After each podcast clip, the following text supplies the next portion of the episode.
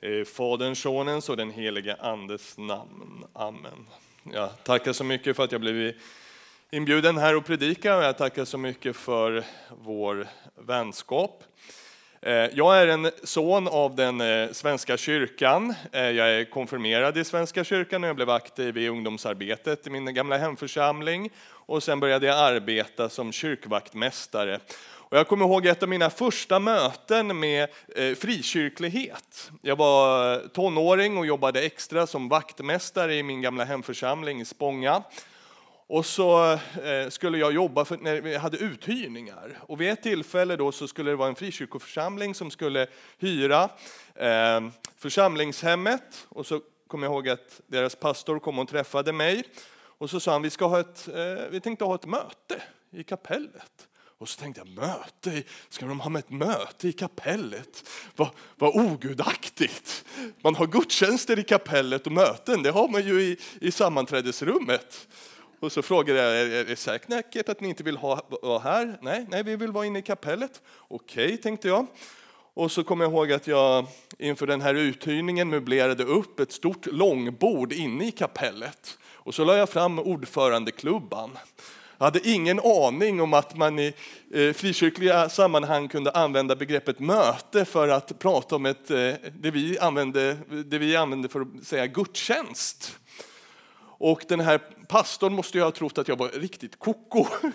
Eh, och eh, eh, Ja, ibland blir det lite språkförbristringar. Vi, vi, vi är syskon i Kristus, men vi kan använda samma ord till olika saker. Och jag hoppas att vi ska förstå varandra idag. Om ni har någon fråga om min predikan eller min förkunnelse så får ni gärna ta det efteråt.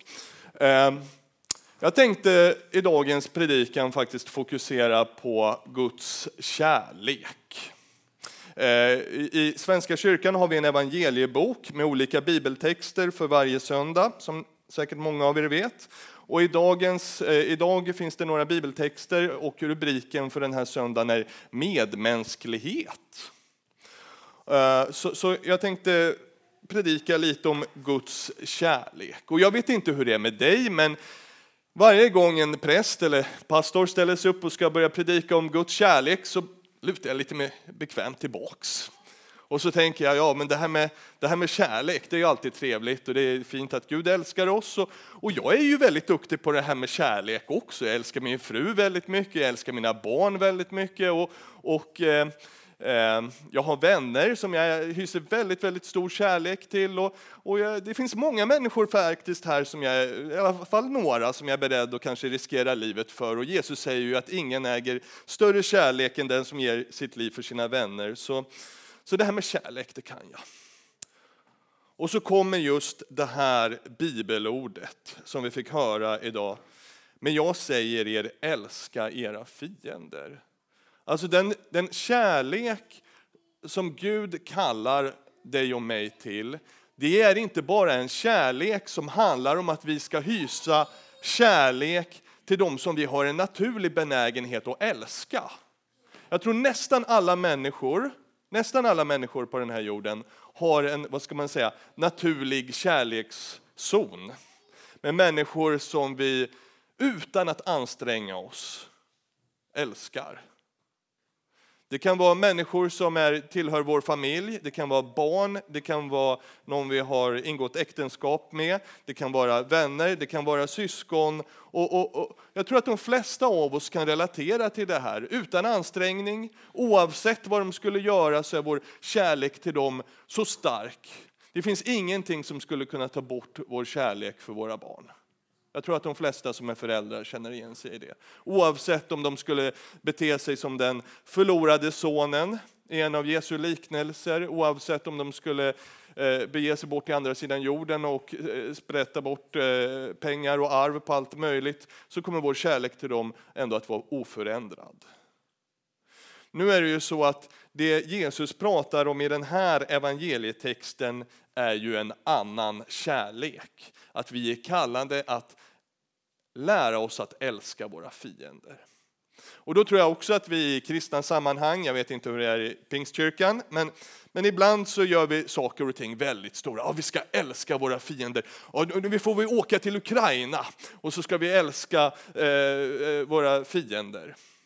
Men jag tror att, att, att ett av sammanhangen i, i de här Jesusorden som vi läste idag är, är faktiskt väldigt, väldigt jordnära. Det här handlar inte om långt borta, det här handlar inte om att hitta en okänd fiende på andra sidan jorden och åka dit bort och älska den, utan det här handlar om rena konkreta vardagssituationer faktiskt, som Jesus börjar med att prata om i dagens text.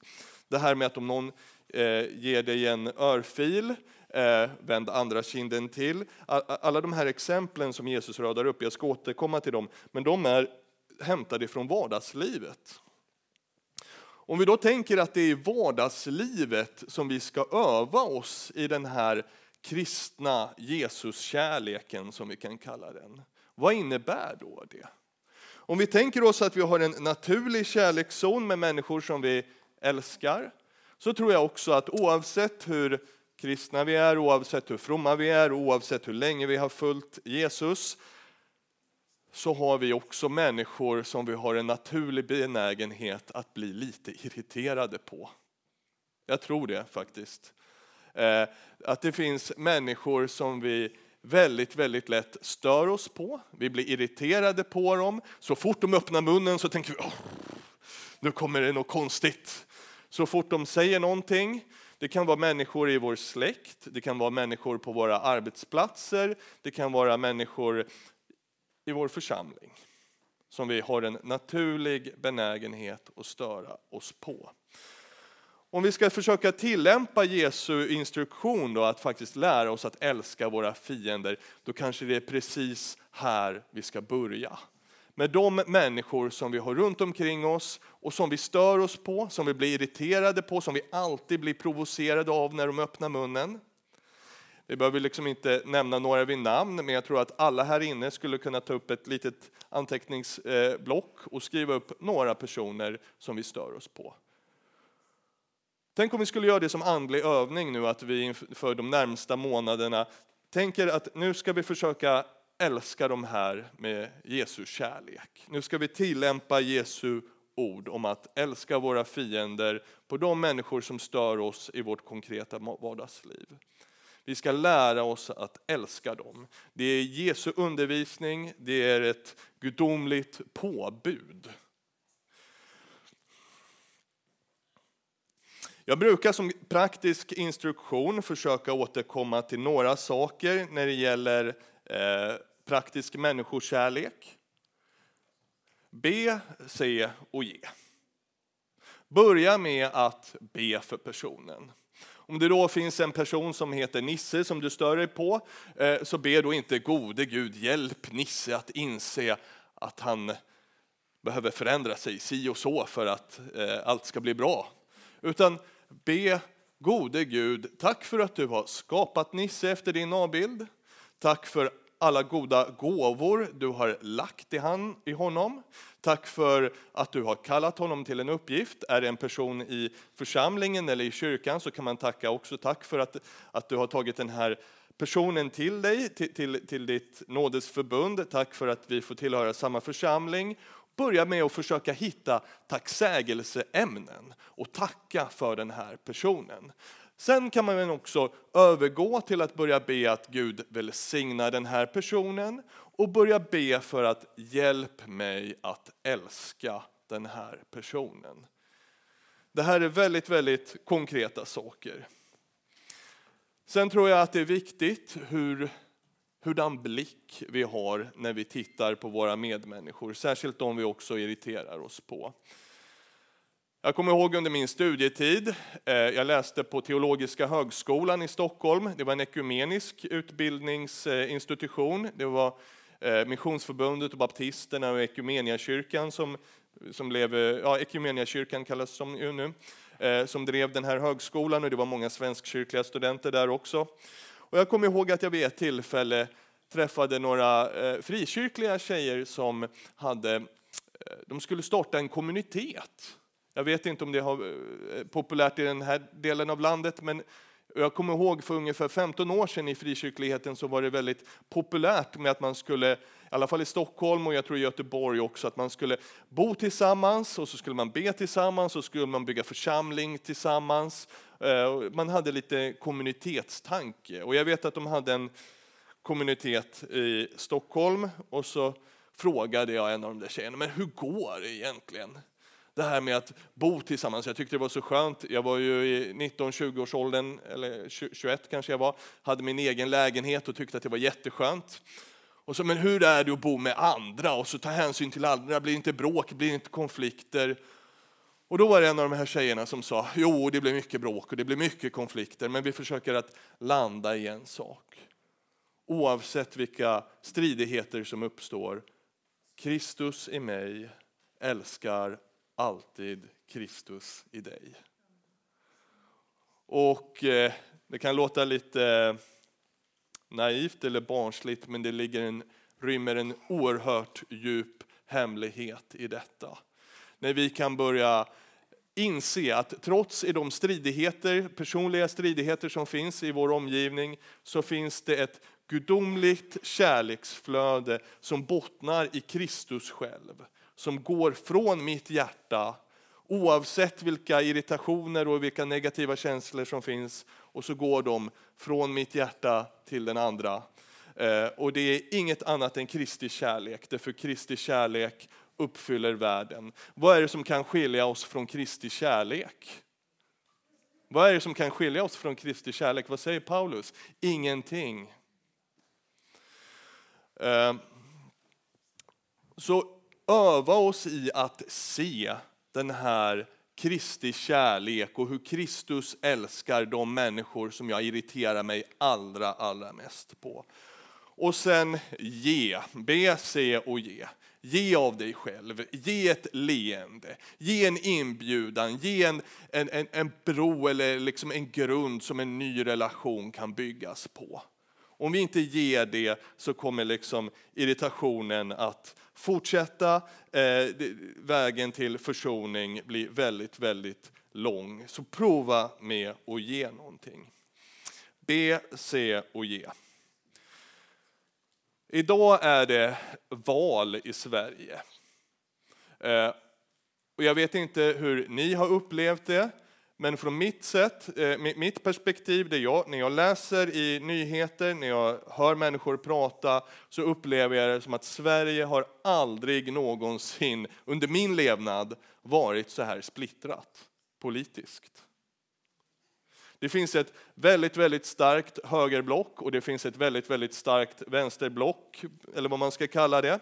Och eh, valrörelsen har varit väldigt, väldigt hetsk. Man använder hetska angrepp, hetska ord. Och det, på ett sätt så förvånar inte det här mig att politiker har en, vad ska man säga, hård retorik när de pratar med varandra. Men det som gör mig väldigt, väldigt ledsen, det är när jag upptäcker hur den här splittringen inte bara sipprar ner i, i, bland politiker, utan bland vanliga människor. I familjer, i församlingar. Vi ska inte ta in denna världens splittring i våra kyrkor och i våra församlingar. Vi måste hålla ihop i Kristi kärlek. Det här tror jag är jätte, jätteviktigt. Och det här handlar inte om att vi ska sluta tänka politiskt, att vi ska sluta bry oss om politik.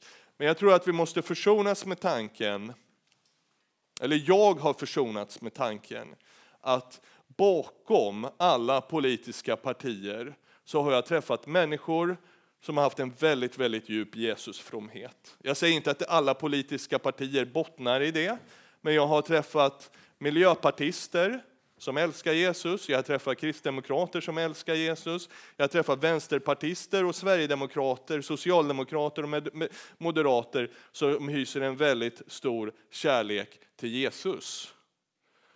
Och jag tror att vi behöver bli duktiga i våra församlingar och i våra kyrkor för att inte dra in världens splittring i våra sammanhang. Det är väldigt, väldigt lätt att vi, hur, hur tusan kan någon resonera på det här sättet? Det här är så främmande för mig att man kan tänka på det här viset. Hur kan någon rösta på det här partiet? Jag vill inte ha något med den personen alls att göra. Jag läste i Svenska Dagbladet eh, i veckan här att väldigt, ett vanligt fenomen som har uppstått det är att män eh, inom eh, van, äktenskap att man inte ens vågar berätta för sin partner vilket parti man röstar på. Det är jättesorgligt. Låt inte världens splittring ta del hos oss. Öva er och i praktisk människokärlek.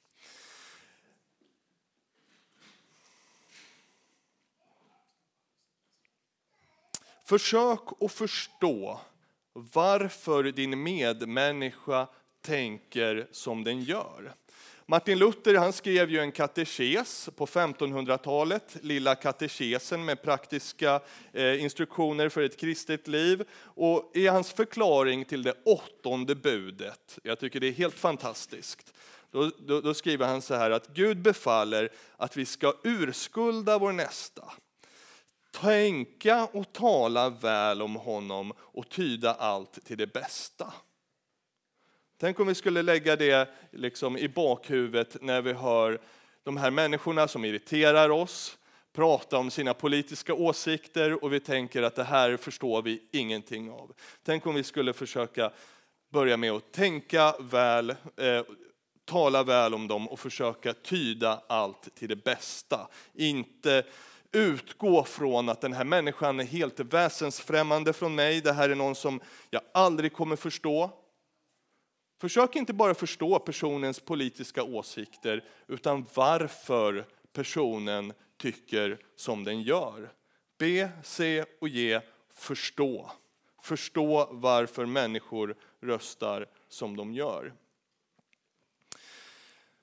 När vi pratar om den konkreta, praktiska människokärleken eller Jesuskärleken eh, genom oss då, då, då kommer vi också till sådana här passager som jag läste. Och jag kommer läsa upp dem nu igen.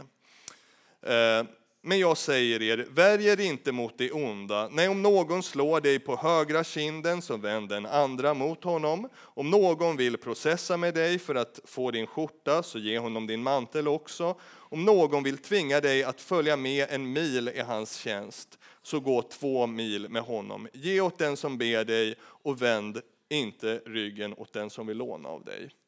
När vi hör de här instruktionerna så är det lätt att tänka, oj vad svårt det är att vara kristen, ska man vara ryggradslös? Och så fort någon vill någonting av mig så ska jag alltid acceptera, jag ska alltid ge av vad jag har. Jag får aldrig sätta gränser för mig själv och min egen ork. Det känns ju på ett sätt som att de här bibelorden skulle kunna vara en instruktion för hur du blir utbränd inom ett halvår. Eller hur? Ja. Det är, inte, det, det, är lätt att vi generaliserar för mycket när vi läser de här orden. Eh, de är hämtade, alla exemplen, från konkreta livssituationer. Att processa, starta en eh, rättslig process mot någon, det kunde man göra i Israel. Men den fattige hade alltid rätt att behålla sin mantel. Det här är ju en väldigt, väldigt fin tanke. Tanken var att ja, du kunde förlora hus och hem, men du kunde alltid få ha din mantel för att, så att du kunde vira in dig i den över natten om det var kallt, om det var kyligt. Så det, eh, eh och, och det Jesus pratar om att vi ska vända andra kinden till, det handlar ju inte om det kommer bovar och banditer som kommer, ska, ska eh, slå sönder dig och din familj och stjäla allt du äger, utan han pratar i en situation av att Örfilen var ett väldigt vanligt tecken på att visa förne att förnedra någon, att ge någon en örfil. Och i det, den konkreta situationen så uppmanar Jesus att vi ska vända andra kinden till. Den romerska soldaten, ockupationsmakten, kunde kräva av den enskilda israeliten att eh, eh, ja, nu får du gå en mil vid min sida för att bära mina saker. Så det handlar inte om att någon helt okänd person kommer och säger gå en mil och så ska man liksom följa med, utan det, det är, allt det här är konkreta livssituationer. En romersk soldat kan tvinga dig att gå en mil för att bära hans saker. Processen, eh, eh, rättslig process med skjorta och mantel och att vända den, högra kinden, eller den andra kinden till det är alla praktiska livssituationer. Det här är inte en uppmaning om att alla kristna ska bli vindflöjal, en vindflöjel att vi ska bli ryggradslösa och att vi i alla situationer ska ge allt vad alla begär, oss, eh, begär av oss. De här orden hänger väldigt nära eh, på ett sätt ihop med Jesu uppmaning om att vi alltid ska vara beredda att förlåta. Jag predikade för några söndagar sedan om eh, Matteus evangeliets 18 kapitel då Jesus frågar Petrus hur många gånger ska jag vara beredd att för, eh, förlåta min medmänniska? Så många som sju gånger. Nej, vad säger Jesus? 77 gånger. Hur många gånger har vi inte fått höra, eller har jag fått höra präster och pastorer säga att det här är en symbol för att vi alltid ska vara beredda att förlåta. Men vad innebär egentligen förlåtelse? Vad innebär praktisk människokärlek i den här situationen? Vid ett tillfälle satt jag i en kyrka, lyssnade på en eh, präst som predikade att vi alltid i alla lägen skulle vara beredda att förlåta. Och så satt jag och tänkte, undra hur många dåliga relationer som finns här inne.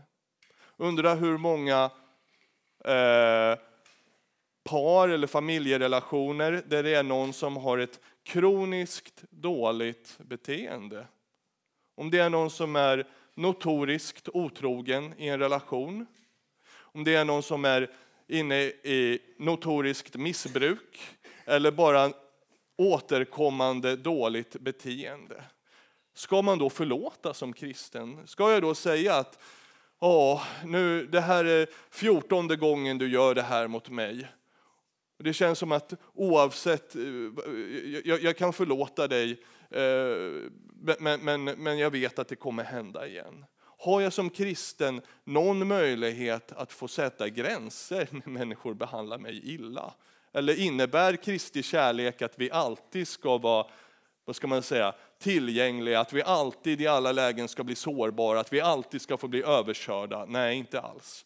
Jag skulle vilja säga att det, det är en stor skillnad mellan förlåtelse och förtroende. I Svenska kyrkan så hade vi en stor kris för i början av året. Det var en biskop i Visby som eh, det uppdagades att han hade varit otrogen under en längre tid. Ni har säkert läst om det här allihopa. Eh, och han blev avkragad som det kallas. Ämbetet blev fråntaget honom. Och jag såg väldigt många, särskilt äldre prästkollegor på, på sociala medier, på Facebook som skrev det. Åh, det är så tråkigt att vi, vi i Svenska kyrkan inte kan förlåta i det här läget. Och då tänkte jag, men vad, vad, är egentligen förlåtelse? Innebär förlåtelse, om någon har gjort mig jätte, jätte illa flera gånger och så ber den om förlåtelse, innebär det att jag måste ge personen ett förnyat förtroende att vara nära mig? Att jag måste bli sårbar igen, att jag måste låta den här personen få vara nära mig. Eller går det att förlåta och säga så här, ja, jag förlåter dig, men du får hålla dig på avstånd.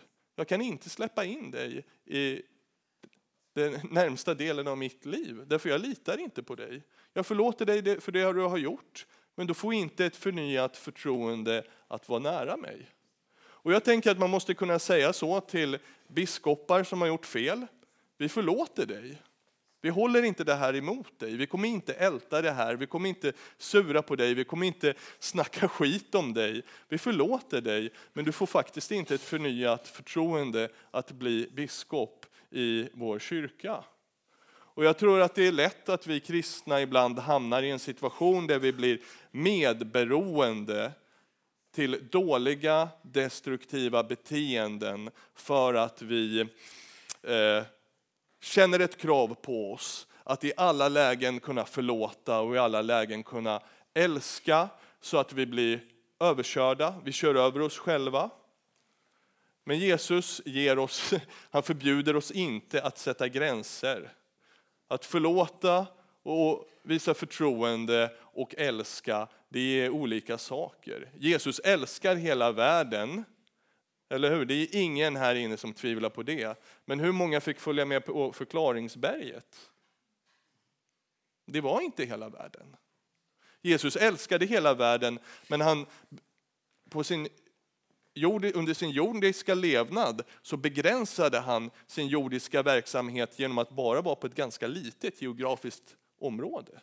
Det faktum att Jesus begränsade sin jordiska verksamhet till det heliga landet innebär ju inte att han avskyr människor uppe i det kalla Norden. Jag tror att vi, vi, vi måste bli duktigare på att kunna balansera eh, gränssättning, förlåtelse, gränssättning och kärlek. Du är ingen dålig människa om du eh, du är ingen dålig kristen om du säger att för att jag ska kunna förlåta dig så behöver du hålla dig på lite avstånd. Särskilt om det är ett fall då eh, det är återkommande, vad ska man säga, ett återkommande skadligt beteende. Ge fiender kärlek och förlåtelse, men kanske inte nödvändigtvis förtroende, skulle jag vilja sammanfatta det här med.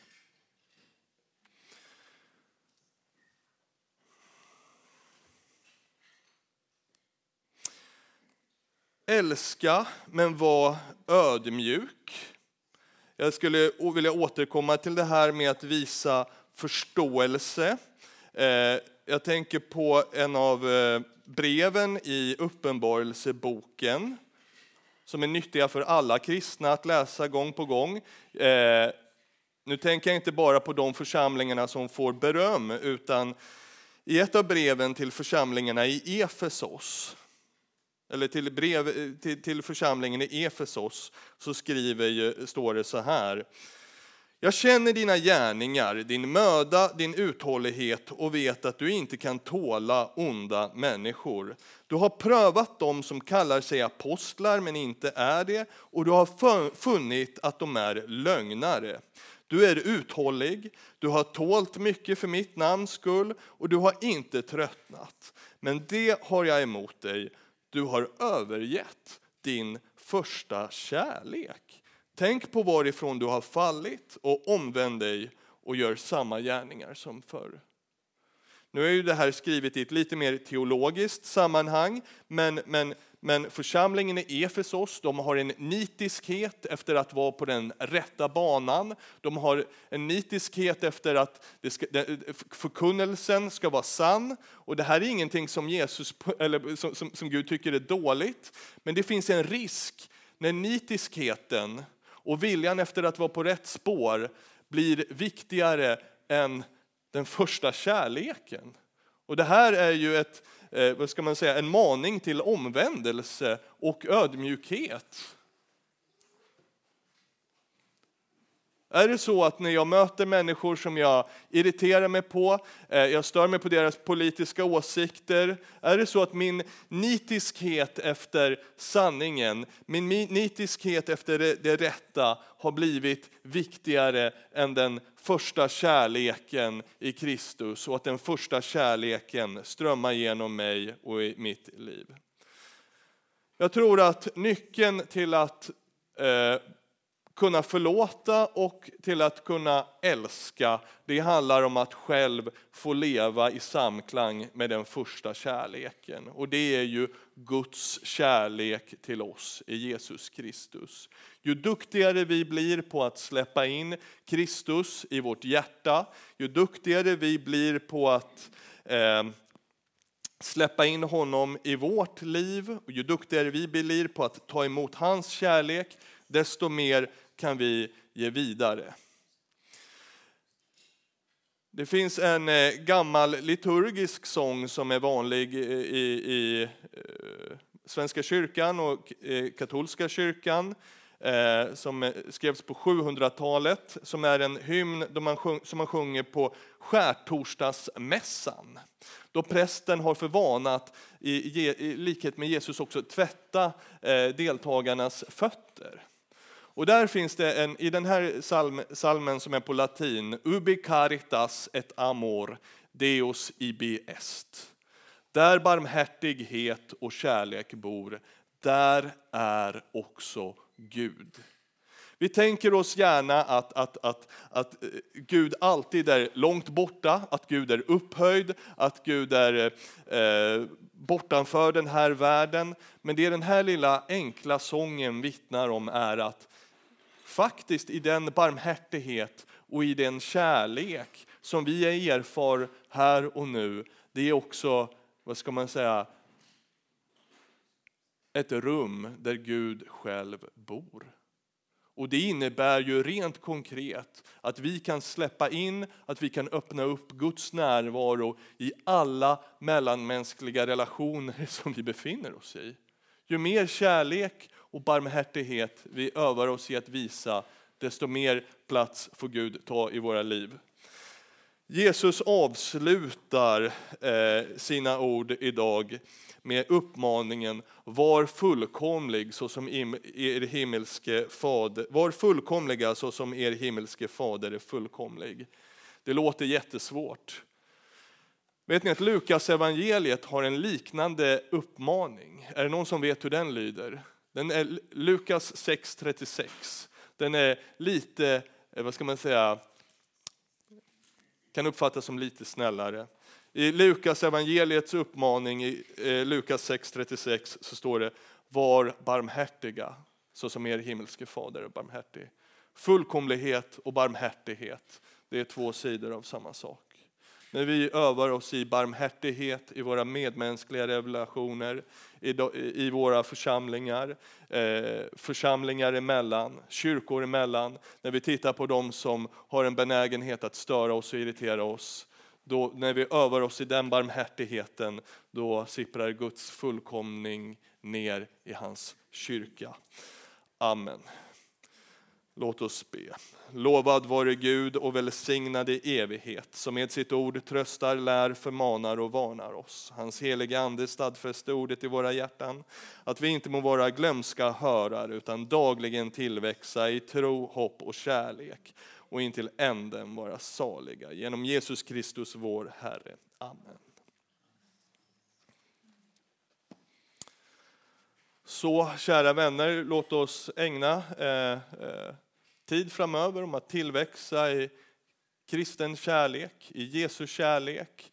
Eh, att vi kan bli duktigare på att be, se och ge och förstå med Jesu hjärta och med Jesu ögon. Amen.